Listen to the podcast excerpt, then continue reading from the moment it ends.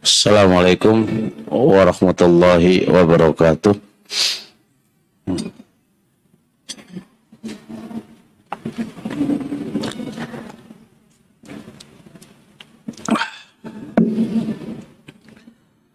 Innal hamdalillah hamdan katsiran tayyiban mubarakan fihi kama yuhibbu rabbuna wa yarda. Asyhadu ilaha illallah wahdahu la syarikalah Muhammadan abduhu wa rasuluhu la nabiyya ba'da. Uh, kita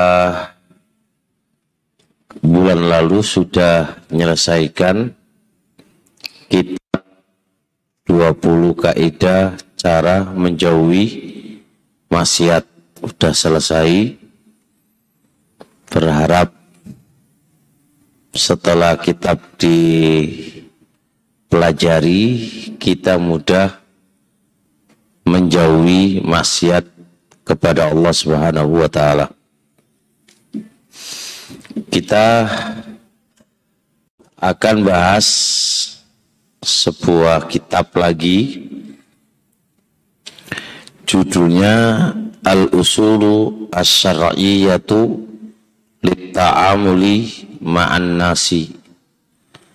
Karya Syekh Soleh bin Abdul Aziz Ali Syekh Hafizahullah Ta'ala. Judul kitabnya adalah al-usulus syar'iyyatu bimakna pondasi-pondasi syar'i ketika bermuamalah bersama manusia. Bermuamalah bersama manusia ini tidak boleh pakai hawa nafsu dan perasaan. Akan tetapi di sana ada kaidah-kaidah syar'i yang harus diperhatikan di dalam mensikapi dan bergaul bersama manusia-manusia. Jadi kajian kita selalu menjurus di kaidah-kaidah ya. Karena kaidah itu penting sebagai penopang apa-apa yang ada di atasnya. Kita butuh penopang di dalam semua hal. Makanya sering kita sajikan berupa kaidah-kaidah biar kita itu tidak terlalu bodoh lah, biar bisa pinter gitu loh. Nah, Kesimpulannya kita ngaji bahwa apa ini? Pak? Al-usul syar'iyyatu apa artinya? Pondasi, pondasi syar'i di dalam bermuamalah bersama manusia atau kita kasih judul sudah benarkah muamalah Anda bersama manusia? Sudah sesuai syariatkah muamalah Anda bersama manusia. Karena bermuamalah dengan manusia ini itu butuh kuait, butuh aturan main, butuh aturan main, butuh kuait, butuh kaidah-kaidah syar'i. Di dalam kita mensikapi A, B, C, D, bergaul, gimana cara bergaul, itu semua dibimbing oleh syariat, dibimbing oleh syari syariat. Kita tidak boleh bermuamalah bersama manusia ini pakai akal kita, adat kita, perasaan kita, nggak boleh. Tapi kita bermuamalah ini bersama manusia melalui aturan-aturan syar syar'i, aturan-aturan syar syar'i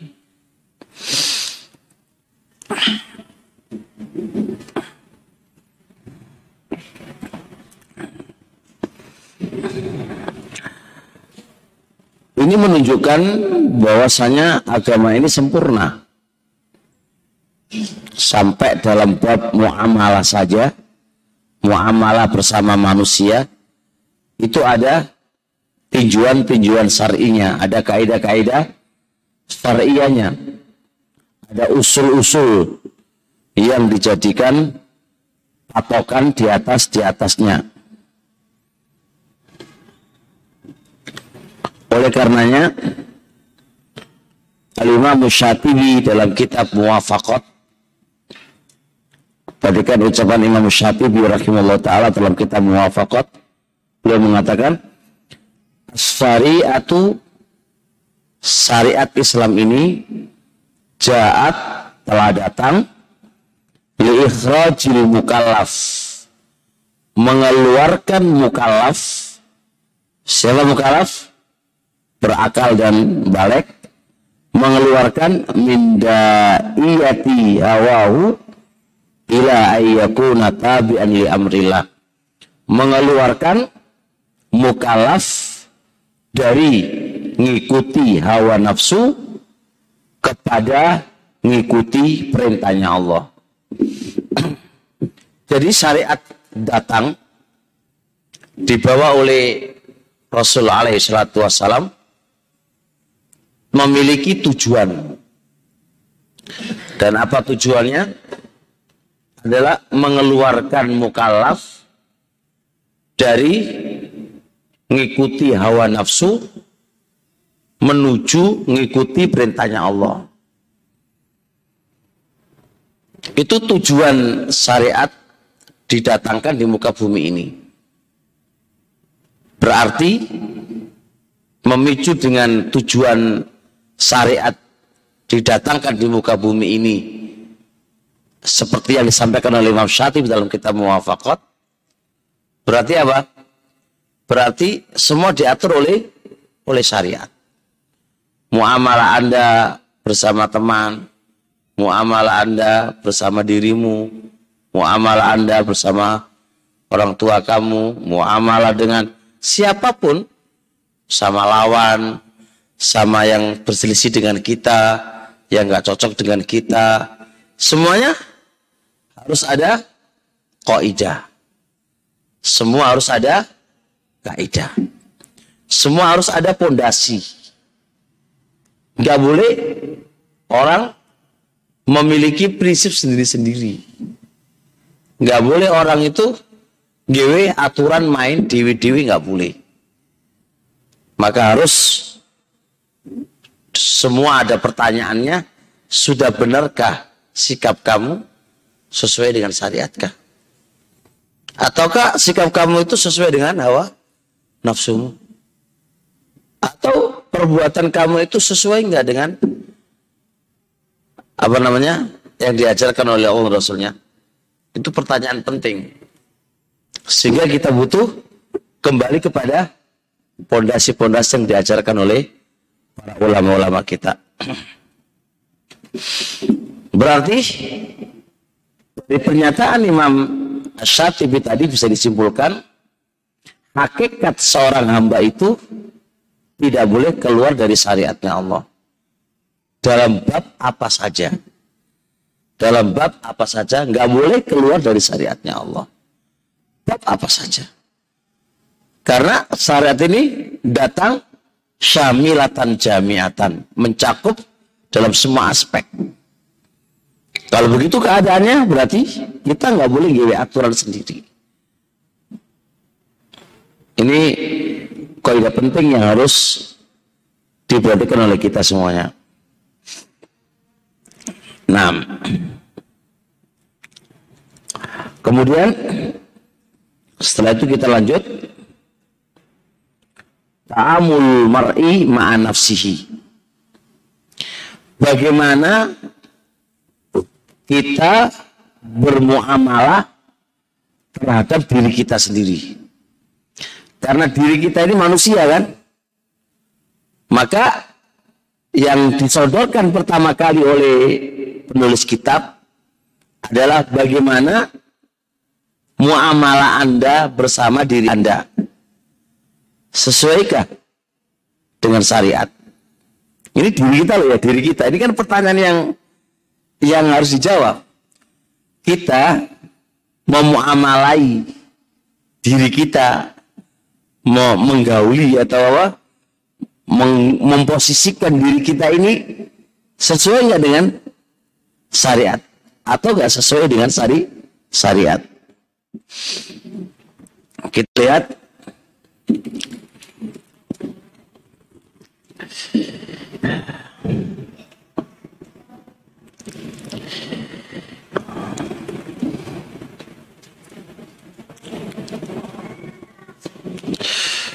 Perhatikan firman Allah Subhanahu wa taala yang menjadi acuan untuk muamalah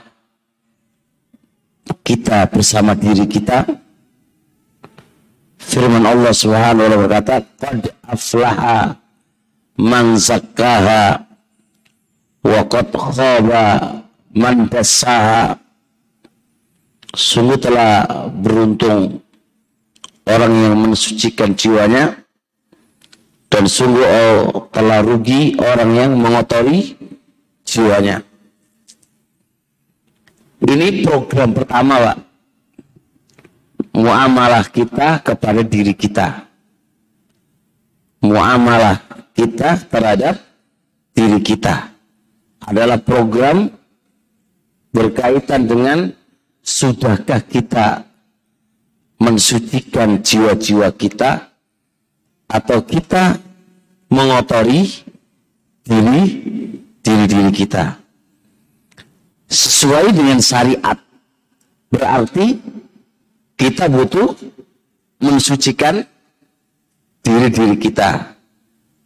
Dan jangan sampai mengotori diri diri kita bahasanya Allah itu kot aflaha sungguh telah selamat sungguh telah sukses. Sungguh telah bahagia. Bahagia, sukses, selamat bagi orang yang mau mensucikan jiwanya. Dan sungguh telah rugi orang yang mengotori dirinya. Berarti muamalah kita terhadap diri kita adalah sudahkah kita membersihkan diri kita ini bisa dipahami ini.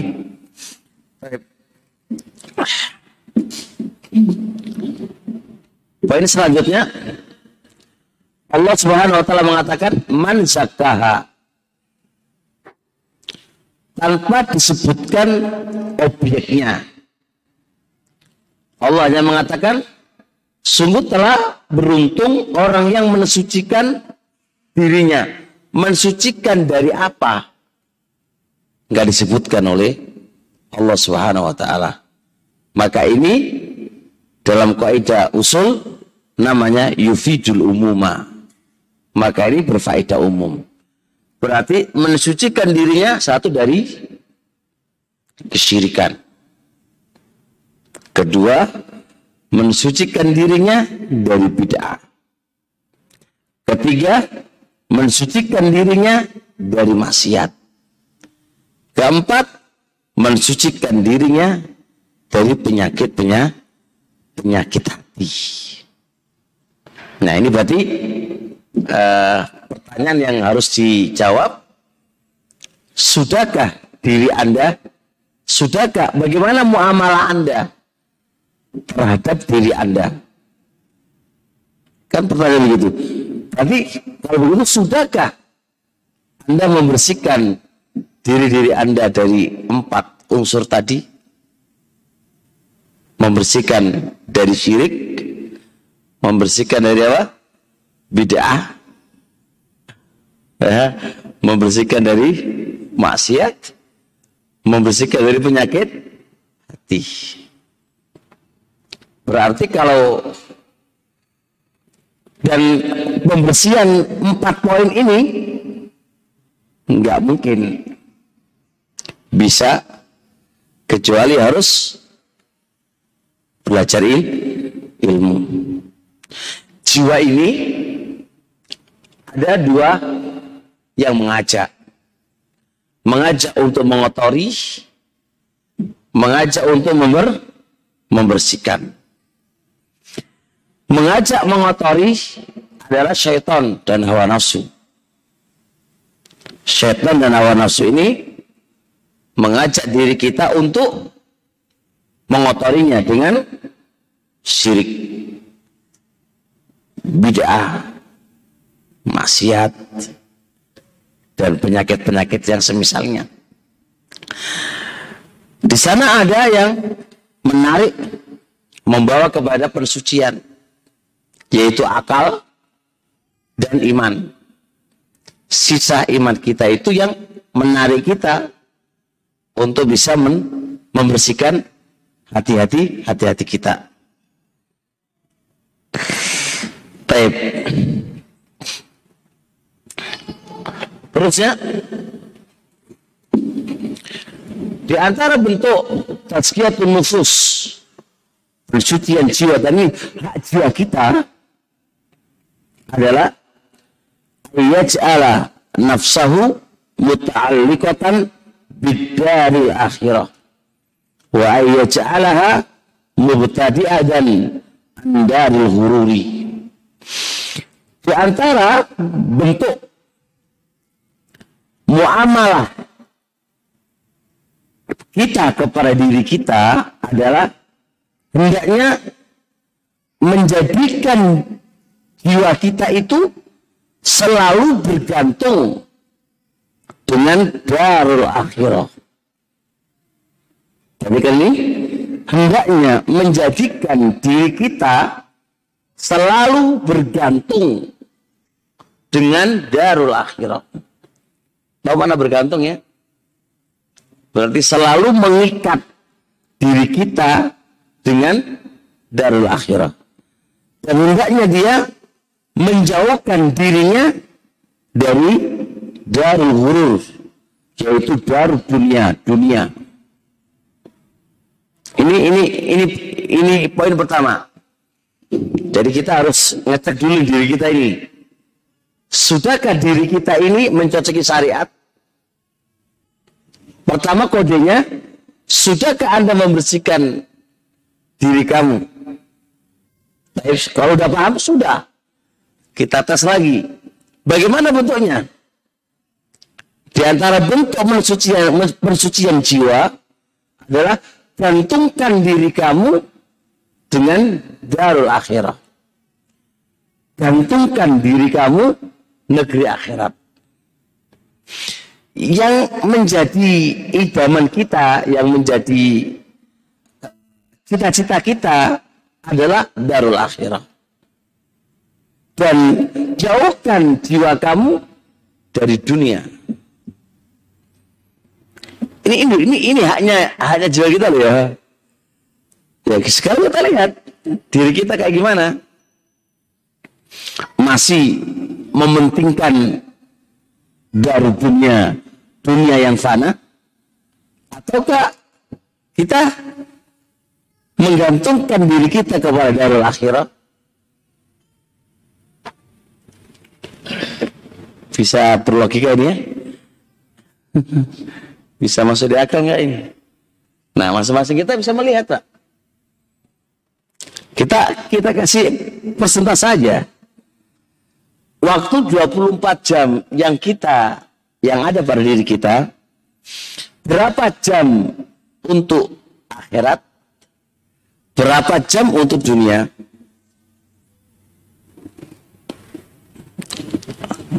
Itu kan pertanyaan kan? Tapi orang cerdas sekarang berpikir begini, oh ini orang cerdas sih. Orang kerja itu juga untuk akhirat kan gitu kan. Tinggal diproses niatnya gitu kan. Gitu kan. Bukan berarti omong-omongan saya tadi dipahami ya aku saya akan di masjid saja beribadah kepada Allah nggak usah kerja, nggak usah ngurusin anak, ngurusin bojo. Ini juga asumsi yang pak yang gagal paham. Artinya tetap sebagai manusiawi hidup di dunia tetap kita mencari dunia tapi dunia untuk akhir akhirat bukan dunia untuk dunia Karena mencari dunia pun itu dianggap untuk akhirat kalau niatnya untuk untuk akhirat. Ini jangan gagal paham. Sehingga dipahami, nggak boleh kerja, nggak boleh ngurusin anak, nengok mawai, torat turu karo dikir, ya ora dikir saiti akake akake itu turu malahan.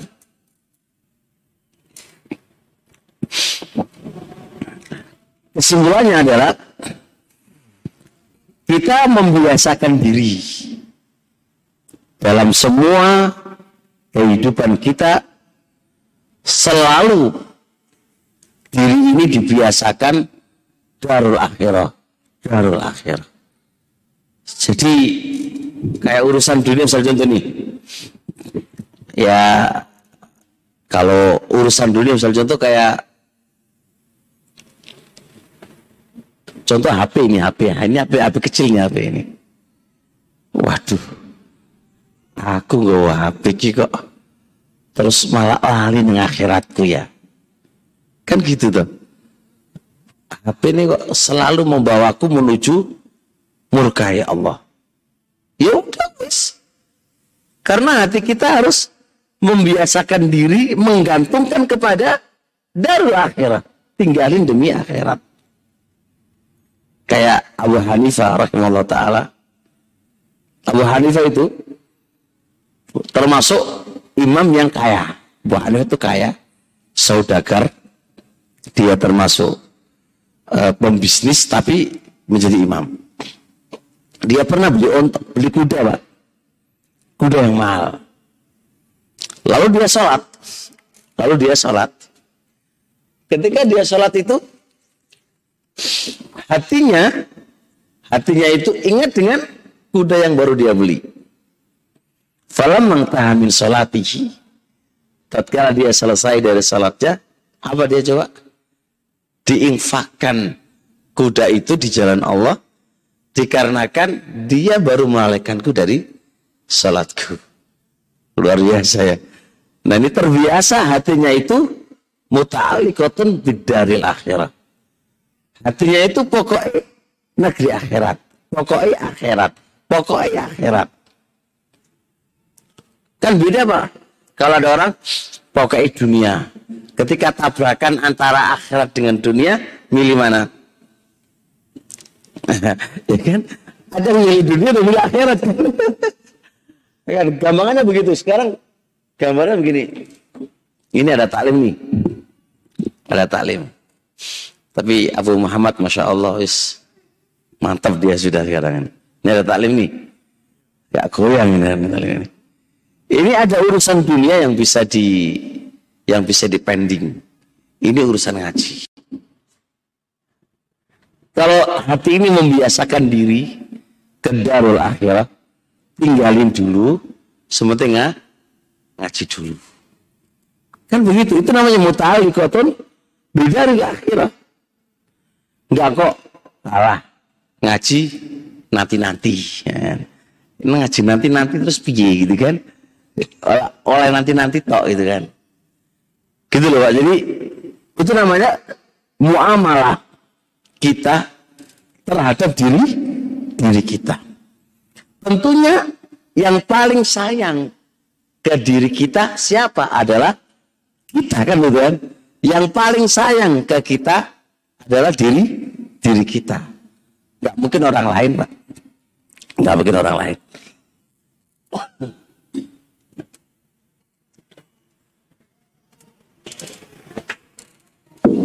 Nah, kata beliau, kalau sudah begitu keadaannya, berarti apa? Berarti kalau hati kita itu muta'alikotun bidaril akhirah, bergantung dengan darul akhirah, berarti apa? harus senang dengan akhirat. Mau berjuang demi akhirat. Dan harus apa? Harus apa? Mendekatkan diri selama itu ke, ke akhirat. Dan harus menjauhkan diri dari neraka dan wasilah-wasilah menuju ke neraka. Ke neraka. Nah, pertanyaan apakah sudah begitu kita? Sudah kita berjuang untuk akhirat kita? Gimana perjuangan kita? Hah? Apakah Utsman bin Affan? Apakah Utsman bin Affan? Utsman bin Affan ketika Rasul bilang ketika Rasul bilang nih, ketika Rasul bilang ketika butuh pelebaran masjid butuh pelebaran masjid kata Rasul manistaro buqata ali fulanin fayajidaha fil masjid falahul jannah. Siapa yang bisa membeli tanahnya si fulan? Lalu untuk dilebarkan diwakafkan untuk pelebaran masjid maka dia adalah surga dia dapat surga. Utsman saya wahai Rasulullah. Langsung saya wahai Rasulullah. Kita bisa begitu? Hah? geger sih geger langsung anak ya Rasulullah. Dibeli oleh Utsman ibnu Affan. Rasul mengatakan lagi man hafara bi'ra rumata falahul jannah. Siapa yang bisa menggali sumurnya rumah nama orang maka dia dapat surga. Katanya Utsman, ya Rasulullah, saya beli ya Rasulullah. Saya yang beli ya Rasulullah. Dibeli oleh Utsman dan diwakafkan untuk kaum muslimin. Bisa begini? Coba kalau ada masjid kekurangan ini meneng. Padahal duitnya akeh itu. duitnya akeh disimpan wae. Bisa itu namanya hati yang bergantung dengan akhirat apa enggak kan gitu.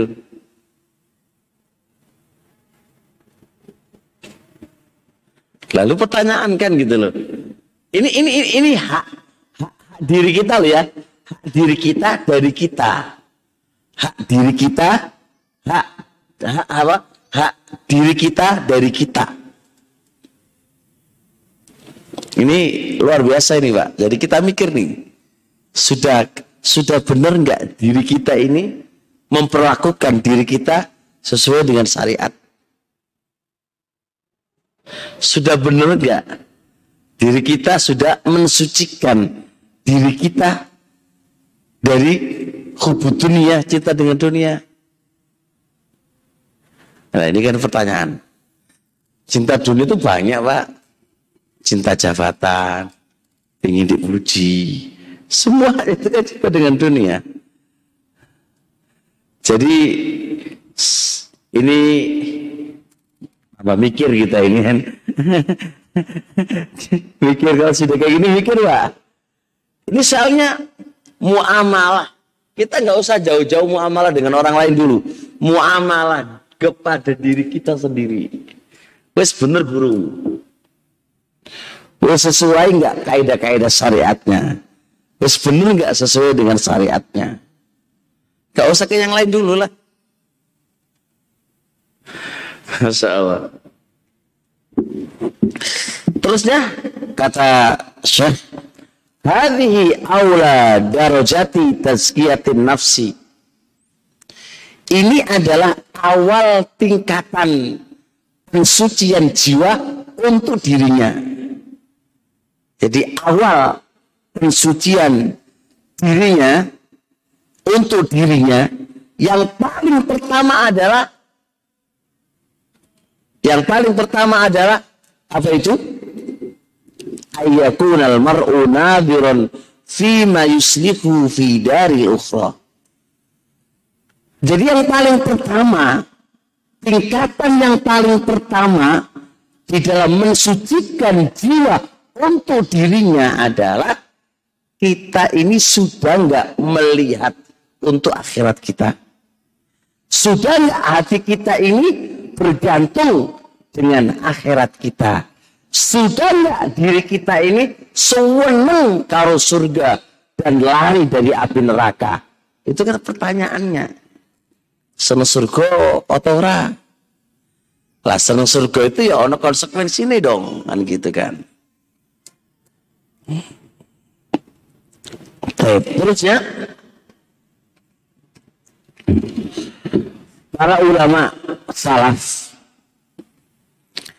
ketika membahas tentang tazkiyatun nufus pensucian jiwa yang itu kembali kepada dirinya itu ada tiga unsur penting. Ada tiga unsur penting. Pertama, ayyuzakkiya nafsahu islahil qalbi. Dia mensucikan dirinya dengan memperbaiki hati dengan cara bitauhidillahi wa ikhlasuddini lahu dengan mentauhidkan Allah dan mengikhlaskan seluruh perkara ibadah hanya untuk Allah Subhanahu wa taala. Coba renungkan ini. Kita kita sekarang punya masalah besar terkait dengan pensucian diri kita sendiri.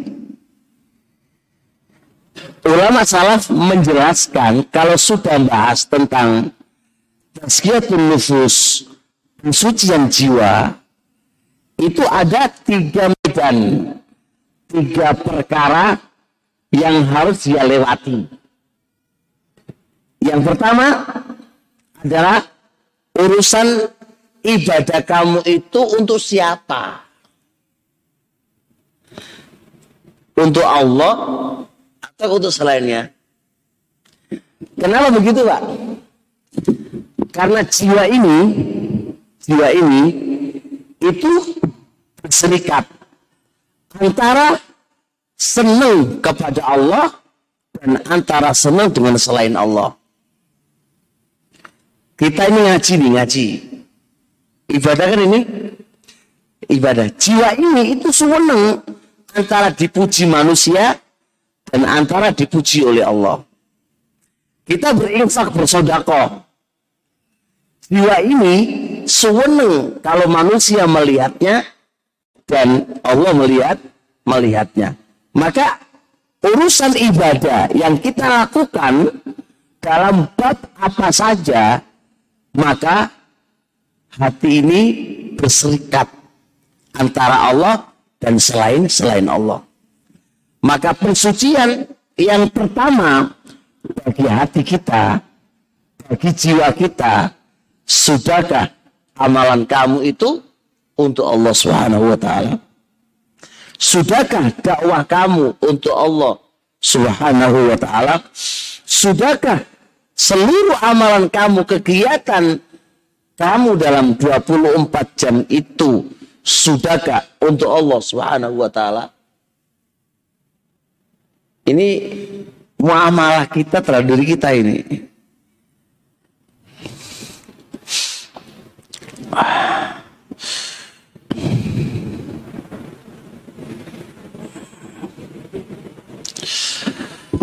Perlu difahami teman-teman semuanya.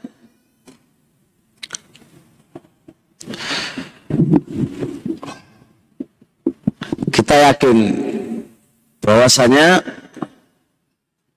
kita diciptakan oleh Allah hanya untuk ibadah iya. Tapi harus difahami ibadah itu memiliki dua pondasi. Pondasi ibadah itu apa? Adalah cinta dan adalah pengagungan. Dengan cinta Anda kepada Allah, Anda akan mudah menjalankan ibadah.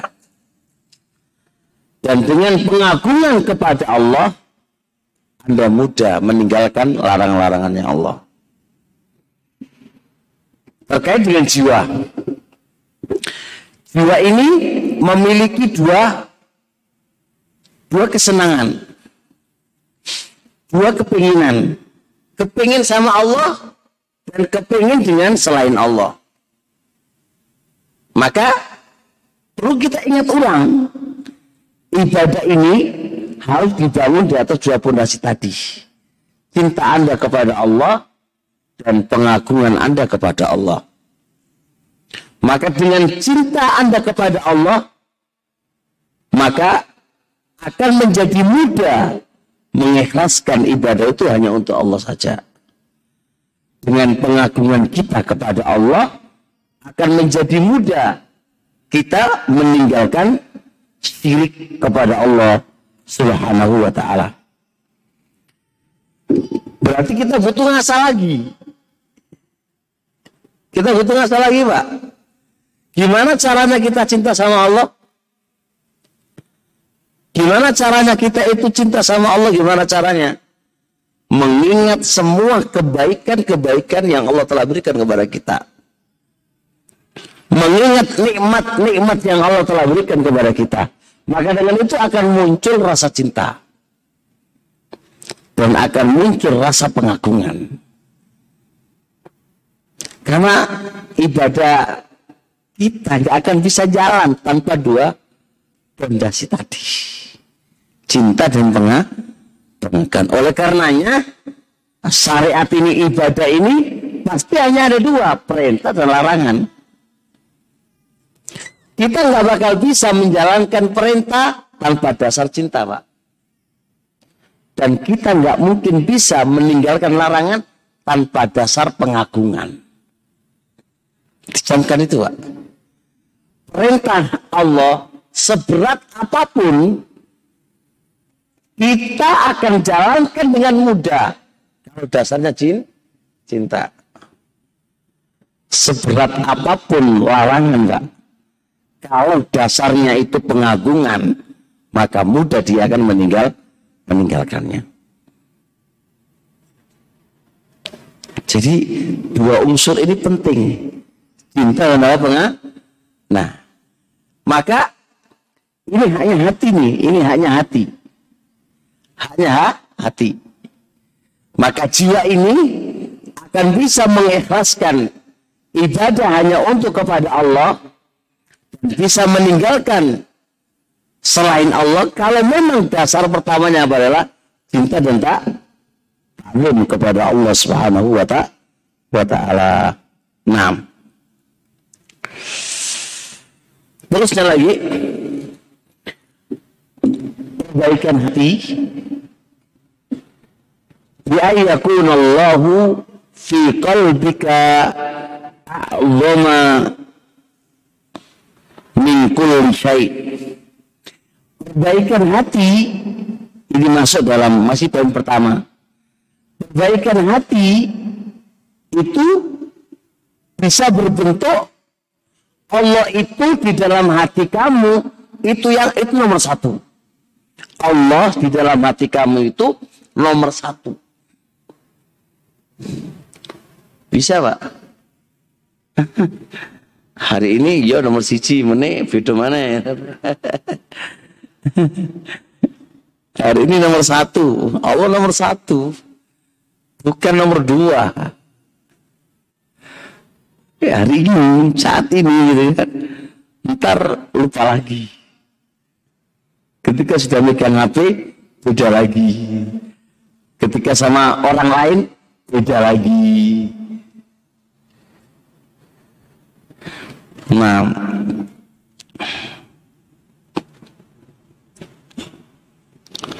Ini yang pertama. Yang kedua tingkatan tazkiyatun nufus. Yang kedua tadi kan yang pertama tadi kan? Sekarang yang kedua al abdu muntafiran lil awamiri dan anin nawahi adalah hendaknya hamba itu menjalankan perintah-perintahnya Allah menjauhi semua larangan-larangannya Allah.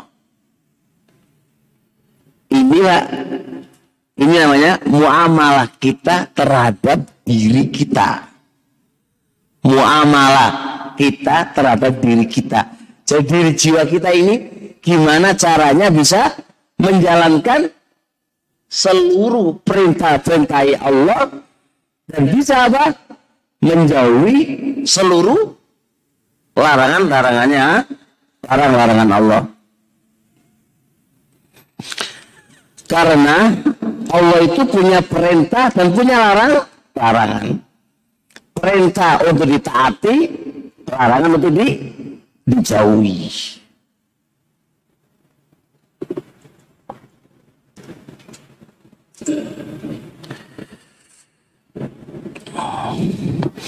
Jadi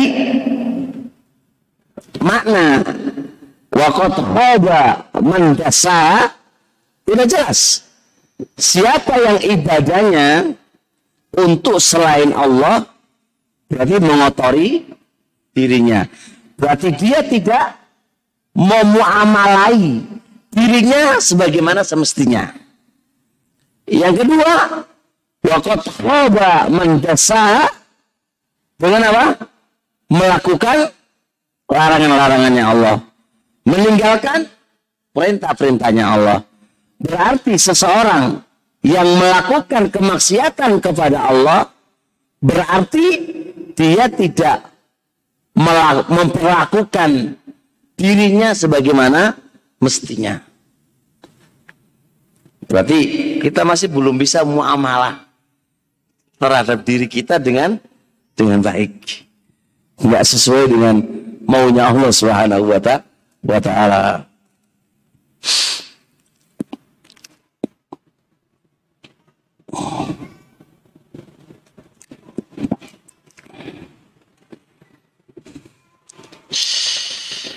Masya Allah. Terus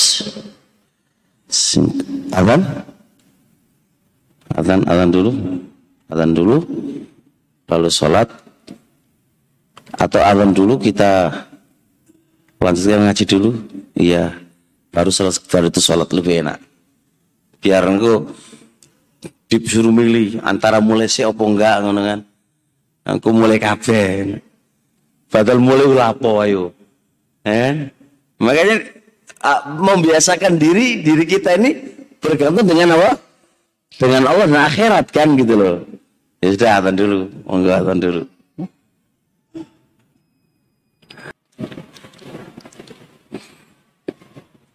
Ya, sedikit lagi ya. Uh, kita lanjutkan sedikit. Perhatikan terkait dengan pensucian jiwa, di antara bentuk pensucian jiwa adalah menjalankan perkara-perkara sunnah dan meninggalkan perkara-perkara makruh. Karena perkara sunnah termasuk yang diperintahkan dalam ilmu usul fikih dan makruh termasuk yang dilarang dalam ilmu usul fikih. Berarti orang yang menjalankan perkara-perkara sunnah itu itu termasuk bagian dari apa pencucian jiwa dia. Karena itu haknya jiwa dia menjauhi perkara-perkara makruh termasuk apa pencucian ji, jiwanya dia. Berarti kan sebuah hadis Nabi alaihi salatu wasalam dalam hadis qudsi inda Bukhari wala yazalu abdi yataqarrabu ilayya bin nawafili hatta uhibbahu. Selalu seorang hamba mendekatkan dirinya kepadaku dengan menjalankan perkara-perkara sunnah maka sehingga aku mencintainya. Berarti salah satu sebab Allah mencintai dia kalau dia menjalankan apa? Perkara-perkara sunnah Allah kalau sudah mencintai dia, faida asbabtuhu, apabila aku sudah mencintai dia, kuntu sam'ahu, adalah saya pendengarannya dia, yang dia mendengar dengannya, dan adalah saya penglihatannya, yang dia melihat dengannya, sampai akhir hadis. Maksudnya apa? Jadi kalau sudah Allah itu mencintai dia, Allah kalau sudah mencintai dia, apa yang terjadi? Maka dia tidaklah mendengar kecuali apa yang Allah cintai. Tidaklah dia itu melihat kecuali apa yang dia yang Allah cintai. Jadi semua gerak-geriknya itu di dimudahkan oleh Allah semua di atas kecintaan Allah ridhonya Allah Subhanahu wa taala. Sehingga kalau sudah begitu, lihat ini penting ini. Kalau begitu, wa wala in sa'alani lautiyannahu. Kalau dia sudah kalau sudah begitu dan ketika dia minta kepadaku, saya akan kasih dia. Berarti ini menunjukkan ada tiga fase, Pak. Fase pertama, menjalankan perkara sunnah dulu. Ada fase kedua, Allah akan cinta kepada kita. Fase ketiga, minta apa saja Allah akan kabulkan. Nah, ini semua apa? Pensucian jiwa. Karena dimudahkan untuk dikabulkannya doa. Karena hati kita sudah ber, bersih. Dan bersihnya hati kita prosesnya di mana? Di menjalankan perkara-perkara sun, sunnah. Jadi perkara sunnah nggak boleh diabaikan. Kalau itu bagian daripada pensucian ji, jiwa kita. Meninggalkan makro. Jangan digampangkan. Nek makro aja kok kono masalah. Padahal itu juga bagian dari pensucian jiwa-jiwa kita. Ingat loh, kalau kita sudah rutinitas selalu, selalu, selalu menjalankan perkara-perkara sunnah, dampak dari itu Allah itu senang sama kita. Kalau sudah Allah senang sama kita, dimudahkan menjalankan perintah-perintahnya dan dimudahkan menjauhi larang-larangannya. Kalau sudah begitu, gampang minta apa aja, Allah akan kabul kabulkan. Nah, itu pentingnya Bapak Ibu yang dirahmati oleh Allah Subhanahu wa taala. Pentingnya apa tadi? Pensucian jiwa yang nomor dua. dua. Tingkatan yang nomor tiga dari pensucian jiwa adalah al abdu muhasiban nafsahu daiman la yakfala anha tingkatan yang nomor tiga dari pensucian jiwa adalah seorang hamba itu muhasiban nafsahu muhasabah. Muhasabah tadi apa? Introspeksi terus mengawasi dirinya. Ya dia nggak pernah lalai tentang dirinya dosa-dosanya dia perlu di, dikaji kekurangan dia itu di mana. Bahkan justru yang paling sering apa? Lihat kekurangan dia, dosa-dosanya dia, gitu. Dan itu bagian daripada apa? Muhasabah. Bagian daripada apa? Tasyiatul nufus. Lihat. Li'annal abda idza ghafala an nafsihi fa innahu yu'ta. Ini kaidah. Kalau seorang hamba kalau dia sudah lalai, udah lalai Pak dari dirinya, sudah lalai tentang dirinya, fa innahu yu'ta akan didatangkan akan datang kepadanya apa itu masail-masail akan muncul kesombongan akan muncul ujub banyak masalah itu, penyakit-penyakit akan muncul dikarenakan kita lalai muhasabah tentang diri dirinya. Lalai. Makanya butuh selalu daiman wa abadan. Ayo dicek diri kita itu. Kayak badan loh Pak, badan ini kalau nggak dicek cukup-cukup penyakit, penyakitan ada mati, ya. karena tanpa di, dicek Ya kan? Orang cek darah, cek ini, cek inilah. Jiwa ini lah butuh dicek terus. Setiap hari dicek. Giling-giling. Dosaku apa tadi? Kurangku apa? Ojo kok ujub wae. Ya, Allah Ustaz.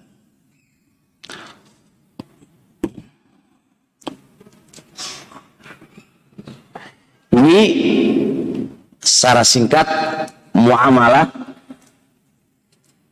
kita terhadap diri diri kita.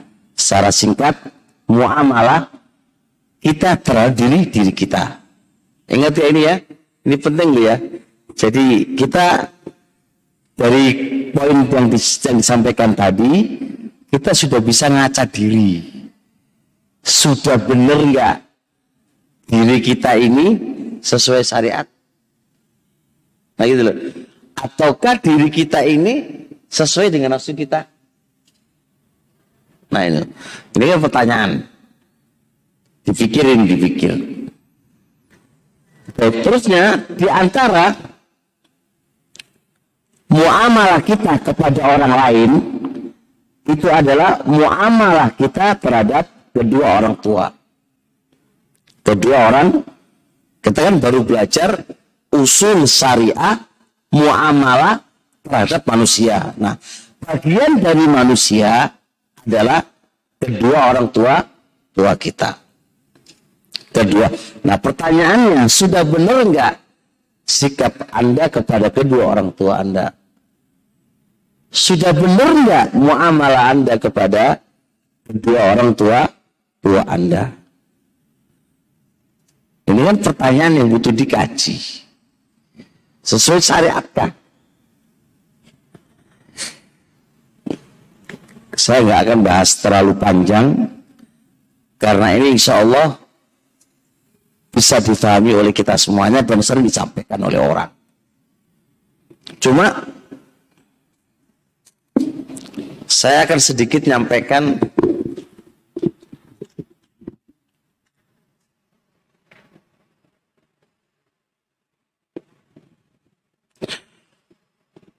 adalah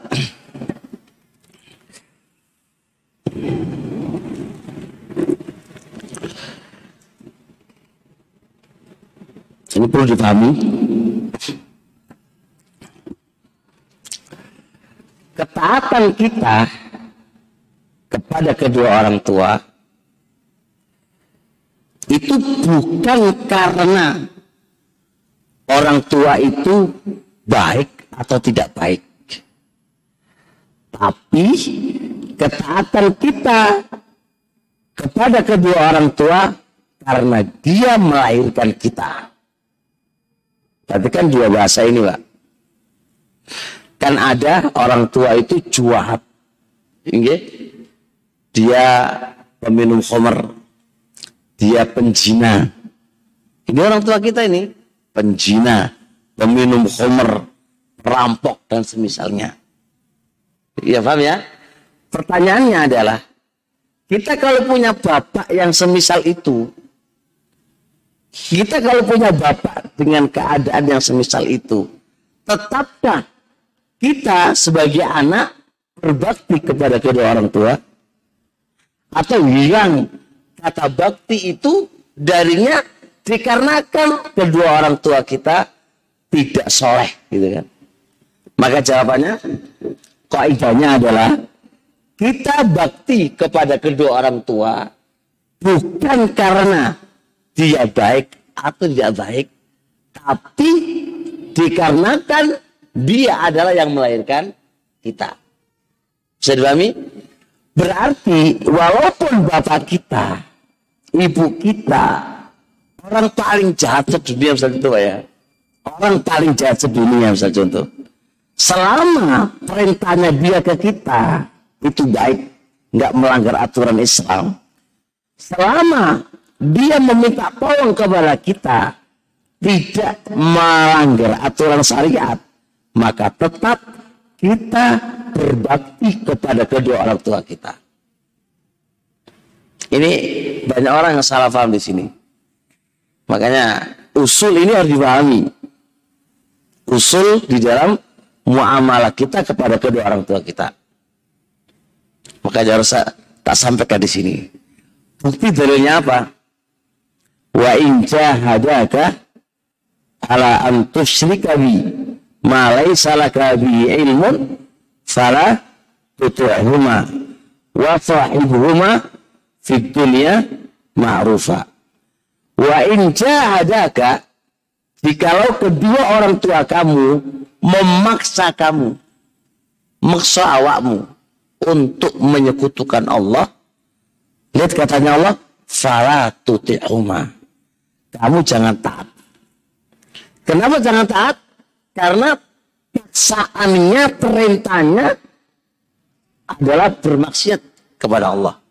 Tapi tetap wasahibuhuma. Pergaulilah, temani keduanya dengan cara yang maka ini menunjukkan bahwasanya apa itu? Menunjukkan bahwasanya apa? Tetap kewajiban kita berbakti kepada kedua orang tua kita dengan cara yang baik. Ini usul pertama. Usul kedua, terkait dengan istri yang sudah menikah. Istri yang sudah menikah. Bagaimana ketaatan dia kepada kedua orang tuanya? Ini juga prinsip yang harus dipahami oleh kita.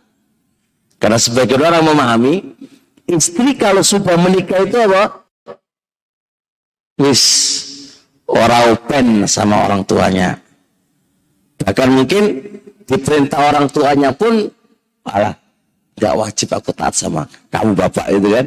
Kewajibanku taat sama siapa? suami. Ini usul udah bener nggak kayak gini ini?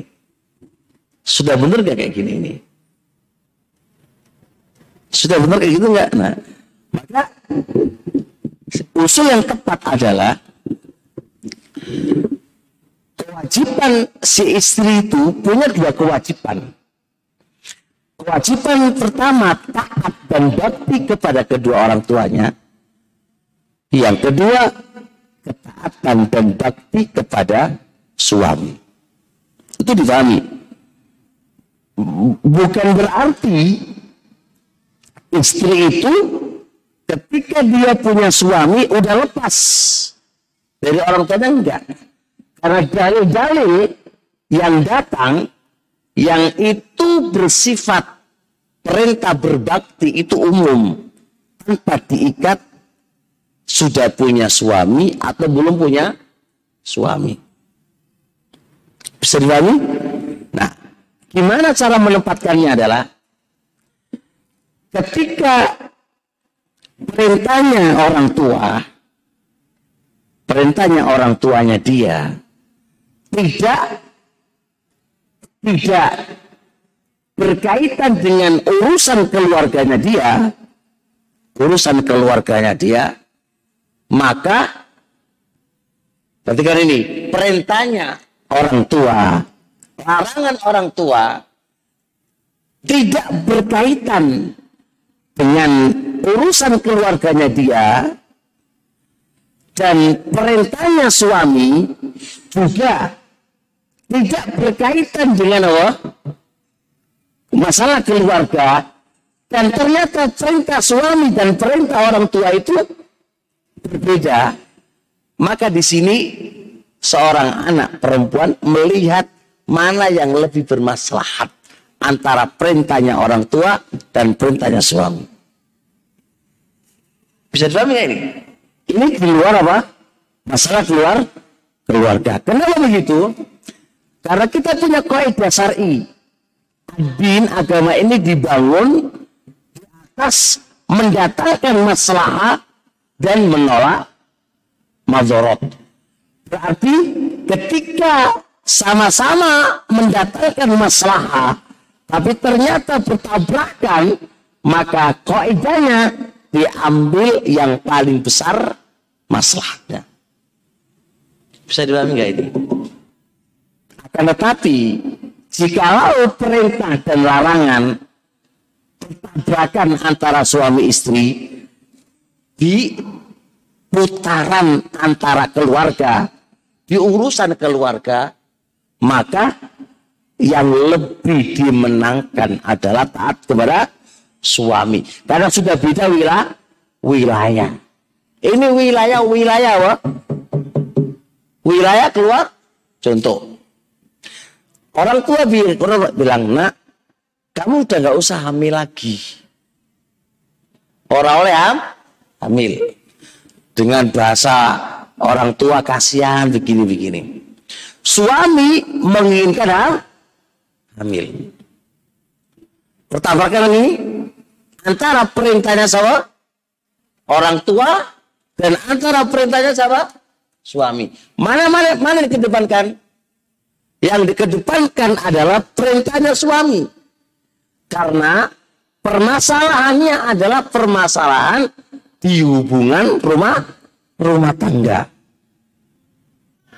Maka seorang istri wajib lebih mentaati kepada suaminya daripada wo, orang tuanya. Karena wilayah-wilayah keluarga rumah tangga.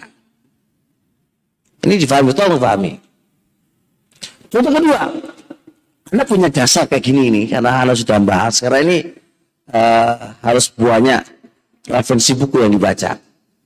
Kayak kasus untuk seorang orang tua menyuruh anak perempuannya untuk minta cerai. Untuk minta cerai. Pada dasarnya orang tua nggak punya hak untuk itu. Paham ya? Punya untuk itu. Secara kaidah asal orang tua nggak punya hak untuk minta cerai dan seterusnya. Bahkan nggak dibenarkan orang tua yang semisal itu. Karena sudah berlingkup masalah apa itu?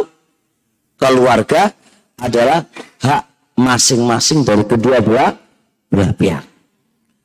Masing-masing dari kedua belah, belah pihak. Nah, makanya Barakallahu Fik ini harus diperhatikan. Ada masalah terbaru lagi. Ini yang ini saya baru dapat juga.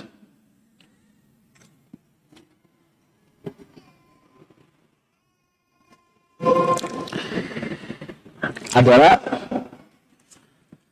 pendapat Syekhul Islam Ibnu Taimiyah rahimahullah taala. Faham dulu. Makanya benar Ikhwan. Kayaknya kita ini belum memberikan semestinya muamalah kita kepada kedua orang tua secara menyeluruh. Karena banyak hukum-hukum yang belum kita ketahui. Makanya antum kira pembahasan ini ringan gak ringan. Atau masalah tazkiyatun nufus pada diri kita itu kita itu masih belum memberikan haknya. Makanya memuamalai terhadap diri kita ini masih banyak kekurangan, masih kurang sesuai dengan syariat. Baik. Syekh berkata begini,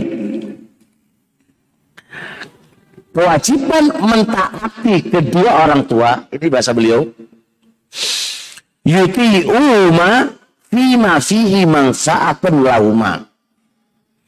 Wa amma idza kana al-amru laisa fihi manfaatun lahuma fa inna ta'atahuma laisat muta'ayyinatan.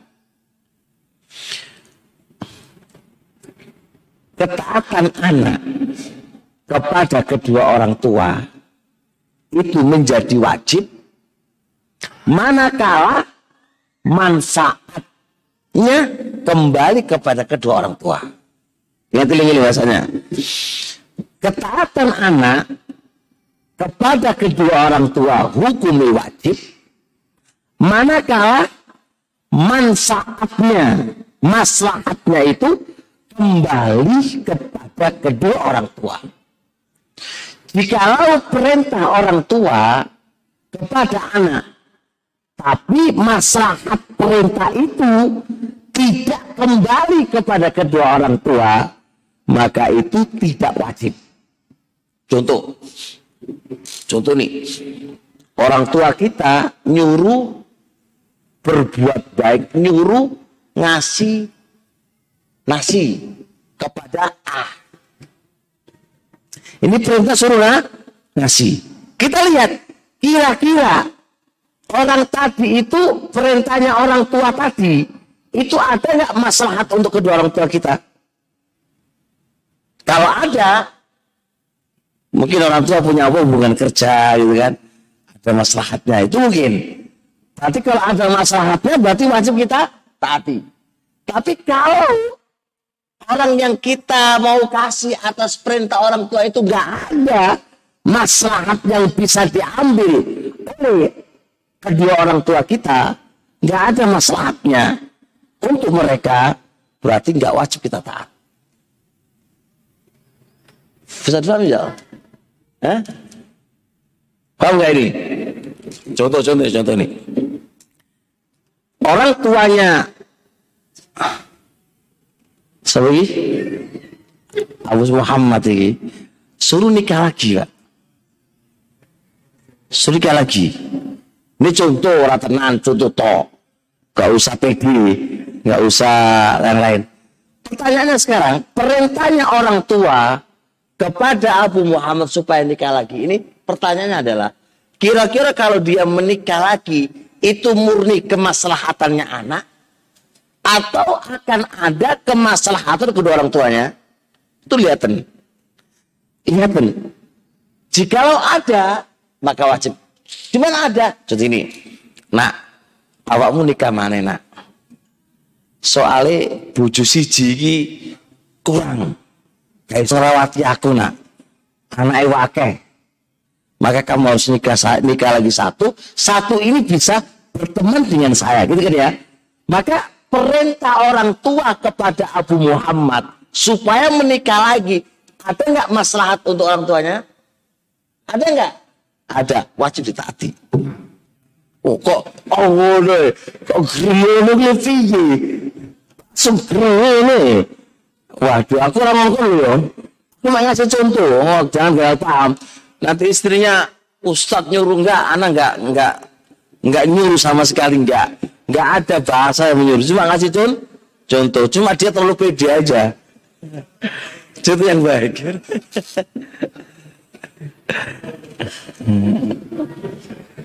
Ini ini ini masya Allah ini ini ini ini ini, ini pendapat Islam Taimiyah. Pendapat yang lain enggak. Pendapat yang lain tidak. Selain Syaikhul mengatakan Imam Ahmad yang lainnya mengatakan enggak. Perintah itu enggak dilihat. Apakah itu ada maslahat atau enggak ada masalah orang tua. Selama itu perintah dari orang tua, maka wajib di, ditaati. Bisa dipahami? Ala kulli hal, anak sampaikan ini, ini ranah khilaf. Ranah khilaf. Dan ini rahasianya, saya banyak baca beberapa buku itu terkait dengan orang tua nyuruh mentalak anak. Orang tua menyuruh mentalak anak. Banyak uh, akwal para ulama membahas masalah ini orang tua tidak punya untuk mentalak menyuruh anak mentalak apa? Istrinya. Itu nggak punya anak. Saya saya ini banyak baca itu. Cuma saya belum tahu alasannya apa gitu kan.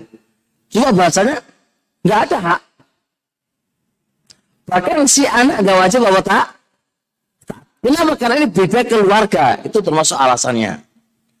Tapi kita ambil ucapan Syekhul Islam ini dan kita bawa kepada kasus permasalahan tadi adalah adalah nggak ada hubungannya dengan orang orang tua, ya kan? Ini kan beda keluarga. Jadi masalahnya itu nggak ada ke orang tua. Mungkin mungkin ada masalahnya begini. Nah anak bojomu gue ngelarang hatiku. Nah ah, mungkin gitu kan ya maka itu ada kemaslahatan untuk kedua orang tuanya karena karena memang tajam banget lisannya. Sehingga orang tuanya suami itu wis tersakiti semuanya. Mungkin saat itu hukumnya wajib. Tapi ingat tetap harus diikat masalah dan mafsada. Itu harus di, diperhatikan juga. Karena apa? Karena ketika ada hadis Nabi alaihissalam Ketika Umar ibnu Khattab menyuruh ibnu Umar mentalak istrinya, ibnu Umar gak mau. Itu kan bukti bahwasanya apa? Kalau taat kepada kedua orang tua itu sebuah kewajiban dalam mentalak istri, ibnu Umar gak mungkin ngeyel kan itu kan? Gak mungkin ngeyel kan itu kan? Tapi ibnu Umar ngeyel, enggak. Enggak. Maka Umar lapor ke Nabi. Umar ke Nabi. Ibnu Umar dipanggil, dipanggil sama Nabi. Apa katanya Nabi? Hati abaka, hati bapakmu. Nah, ulama bicara dengan hadis ini, kenapa ketika Umar itu lapor ke Nabi, lalu Nabi menyuruh bahwa mentaati bapakmu, mentaati Allah suruh mentaati bapakmu, itu sebuah pendalilan bahwasanya tidak mutlak. Ayah menyuruh mentalak anaknya kepada istrinya harus diturut tidak mutlak. Kenapa? Karena Ibnu Umar awalnya enggak enggak mentaati itu. Nah, ketika dilaporkan kepada Nabi lalu disuruh berarti butuh dilihat masalahnya apa. Maka ada ada yang mengatakan bapakmu tuh apa kayak kayak Umar bin Khattab itu kan yang memikirkan masalah dan mafsadah kan gitu. Kalau bapak kamu nggak seperti Umar, yo gak iso semerta-merta menyuruh untuk men mentalaknya. Apalagi mungkin perbedaan kayak perbedaan satu Arab, satu bukan Arab, lalu suruh, suruh menceraikan kan yo nggak nggak bisa semisal itu gitu nggak bisa nggak bisa semisal semisal itu. Jadi ini butuh dipahami oleh teman-teman semuanya. Sebab ini adalah usul syariah bermuamalah dengan orang orang tua tua kita. Usul bermuamalah dengan kedua orang tua kita. Dan ini mungkin masih panjang berkaitan dengan muamalah kepada kedua orang tua tua itu. Mungkin cukup dulu insya Allah. Ini sudah setengah delapan dan insya Allah dengan sholat menjadi jam delapan. Jadi paslah pas insya Allah nggak mengurangi nggak mengurangi uh, uh, jadwalnya insya Allah. Sampai di sini. Subhanakallah Mungkin ada pertanyaan bisa ditulis. Mungkin bisa kita jawab subuh besok insya Allah Ta'ala. Assalamualaikum warahmatullahi wabarakatuh.